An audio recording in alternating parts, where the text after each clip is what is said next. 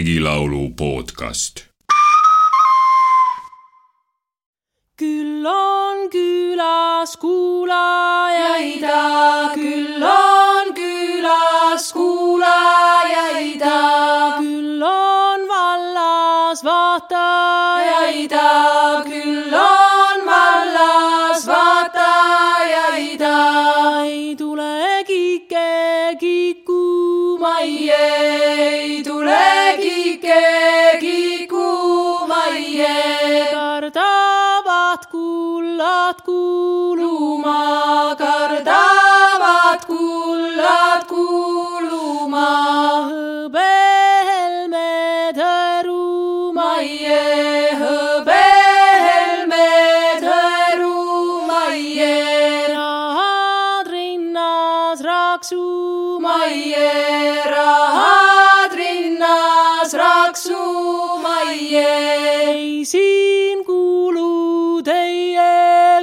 da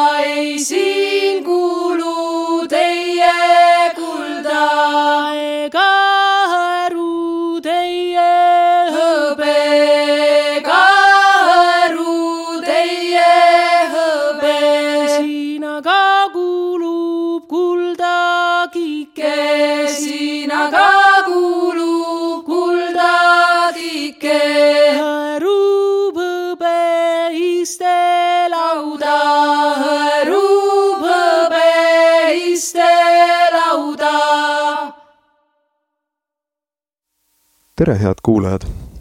minu nimi on Indrek Kohv ja mul on see rõõm, et ma saan kõik need regilaulud, mis meie saates kõlavad, koos teiega läbi kuulata. ja pärast iga laulu on mul see au ja, ja samamoodi rõõm, et ma saan äsja kõlanud laulu üle pisut mõtet veeretada. nii nagu see laul ise veeretab meie poole oma noh, ütleme siis maailma nägemist, mingit maailmapilti, nii saan mina seda siis oma ajukurdude vahel edasi veeretada. üks mõte on, mida ma jään kindlasti kõigis saadetes aina üle ja üle kordama ja see on tegelikult mõte, mis on ju kogu selle saatesarja aluseks. see mõte on nimelt niisugune, et regilaul, meie rahva pärimuse, ma ütleksin, kõige olulisemaid osi, on meile, eestlastele, kusagil väga sügaval sisimas nii omane.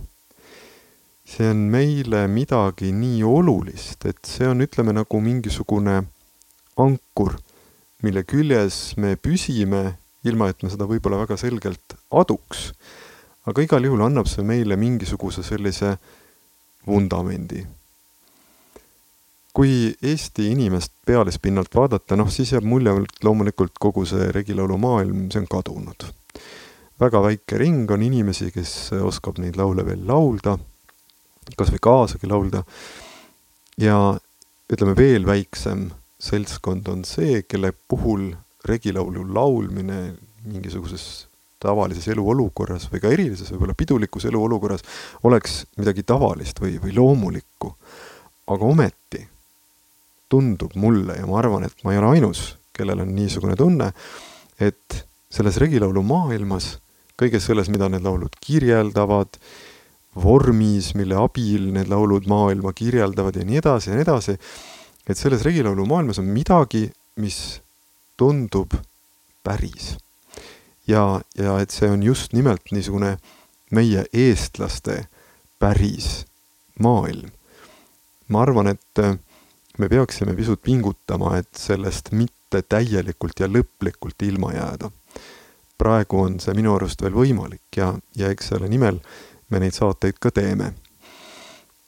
aga nüüd siis mõne sõnaga sellest Liisi lauldud äh, suurepärasest laulust, mida me äsja kuulsime. tahaks selle peale kohe öelda, et äh, on ju eestilik. niipea, kui, kui mõelda selle peale, millest see laul räägib tuleb kohe pähe päris mitu asja. kõigepealt ütleme niisugune hoiak, eh, et ära jumala eest trügi sündmuste keskele. see on natukene sama suhtumine nagu, nagu võib-olla selles laulus, mis ütleb, esimesed heidetakse, tagumised tapetakse, keskmised koju tulevad. meie, eestlased, oleme, mulle tundub, üsna alalhoidlik rahvas. ja kui ütleme, mingisuguses romantilises kirjanduses või, või sellistes romantilistes hoiakutes tundub alalhoidlikkus midagi sellist nõmedalt väikekodanlikku, siis eh, vana Eesti rahvas taipas seda, et alalhoidlikkus võib olla ka voorus, see võib olla ka väärtus. ja, ja mingis mõttes väljendab see, see kiigel ehete hoidmise laul ju, ju natukene ka seda vaatepunkti. mis veel? Ma arvan, et sellele said meie esivanemad päris hästi pihta, et eh, inimene peaks elama säästlikult. natukene on siin ka seda hoiakut noh, kui nüüd karikatuurselt mõelda, siis ma arvan, et meil kõigil on või, või vähemalt on olnud mõni selline vanem sugulane, kelle sahtlist leiab näiteks ma ei tea, nelja aasta eest tallele pandud šokolaadikarbi, et ükskõik, et see võib-olla enam ei kõlba, aga tema on seda hoidnud just ühe sellise erilise hetke jaoks või siis, või siis on tema köögis eh, pisut keeruline istuda, seda tuleb teha väga ettevaatlikult, sellepärast et see taburet, millele külaline istuma pannakse, on parandatud heinapakinööriga ja see võib kergesti ära laguneda. olge ettevaatlikud. See on jälle selline säästlik hoiak, ta ei viska seda taburetti minema, ta parandab seda käepäraste vahenditega. ja vot nii on see Eesti talurahvas ja tegelikult noh, ma loodan, et et võib-olla selline suhtumine ikkagi ei ole päriselt kadunud, et me oleme elanud pigem säästlikult. võib-olla tõesti, kui võrrelda ikkagi muu maailmaga, ütleme sellise nii-öelda arenenud läänemaailmaga, kus toimub meeletu tarbamine ja rais-, raiskamine, et siis me ei ole ikkagi neile veel päris järele jõudnud ja äkki hoiab meid pisut see, kuidas me oleme varemalt aastasadu elanud. no siis üks mõte veel, mis seda laulu kuulates kohe pähe kargab, on, noh, see on muidugi üldinimlik, aga, aga mingis mõttes ka eestilik, et äh, tulevad pühad, siis tuleb ennast ehtida. no muidugi ehted iseenesest on ju veel omaette teema, need on äh, eriti just äh, ütleme siis vanarahva ehted ja nendesse suhtumine ja nende kasutamine, see on kindlasti seotud ka rituaalidega ja, ja üleüldse igasuguste muude usundiküsimustega, aga, aga jällegi sätime ennast üles, siin oli just hiljuti ka eh, Eesti Vabariigi sajas sünniaastapäev, oli lausa suur-suur reklaam teemal Hakkame sättima. pühad on käes. ja kui nüüd eestlane on ennast pühadeks välja sättinud, siis ta peab vaatama, et need ehted, need mingis mõttes pühad eh, atribuudid, mida ta kasutab, et need ikka säiliksid kenasti. Ja ma arvan, et siin taga on niisugune mõte, et äh, kui võimalik, siis peaks püüdma mitte päriselt enesevalitsust kaotada, et parem, kui ei lase katust päris sõitma. eks siin on muidugi, noh, ütleme, eestlastel on ka teistsugust hoiakut, käiakse pärast kirikut kõrtsis ja, ja siis lastakse katus sõitma nii kaugele ja kõrgele, kui, kui vähegi ulatub või siis ütleme, mingisugused jaaniöö riitused ja, ja käitumised, aga noh, kesksuvi, sellest me ei räägi, see on midagi nii erilist eestlase jaoks. see on niisugune vabanemine, et seal, seal võib isegi katus sõita.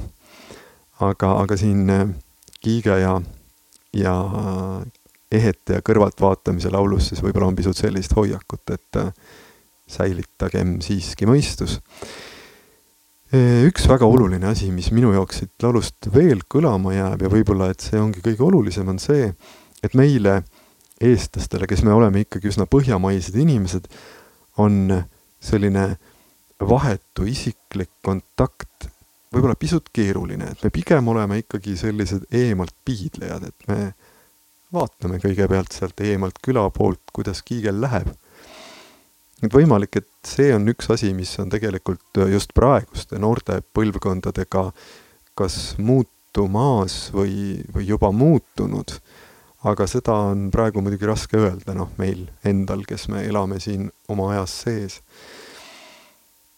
aga natuke see võib-olla kõneleb ikkagi sellest, kuidas, kuidas me ei julge kohe ligi minna ja ja enne kõigepealt igaks juhuks vaatame eemalt ja ja ootame, kui kui need, kes seal kiigel on, meile pisut lähedasemaks ja omasemaks saavad ja alles siis julgeme ligi astuda. ja siis muidugi praegusel hetkel, kui neid saateid siin tehakse, peaaegu pool maailma on oma koduseinte vahele surutud, sest meid kõiki ähvardab uus koroonaviirus. me peame tema eest hoidma. noh, siin on ka veel muidugi paralleelid äh, folklooriga, kuidas on ennast hoitud katku või rõugete eest ja, ja mis kujul nad meie külla tulevad ja nii edasi. aga see ei ole praegune teema. aga et kui nüüd mõelda selle konteksti peale, me kõik oleme suure osa ajast oma koduseinte vahel, siis selle laulu sisu omandab veel uuegi mõõtme. et me oleme ju tegelikult praegu sunnitud väga paljudes asjades jääma kuulajaks ja vaatajaks, kusjuures noh, see kuulamine ja vaatamine toimub veel eriti kaugelt, et see käib kas eetri kaudu või, või interneti kaudu või igal juhul mingisuguste selliste kaudsete vahenditega. meil ei ole võimalik, isegi kui me suudaksime ennast ületada, astuda ligi ja päriselt saada eh, vahetut kontakti. isegi noh, ütleme, eestlased on harjunud lõkke ümber istuma, eks ole, istuma, rääkima, laulma, tantsima. me ei tohi praegu isegi ühe lõkke ümber istuda, juhul kui meid on korraga rohkem kui kaks. me ei tohi seal istuda, regilaulu kuulata ja kaasa laulda ja see on tõesti üks asi, mille peale ka see Liisi Koiksoni lauldud laul just täna mind mõtlema paneb. noh, niisuguses olukorras, kus me praegu oleme, on muidugi hea sisse põigata regilaulu maailma.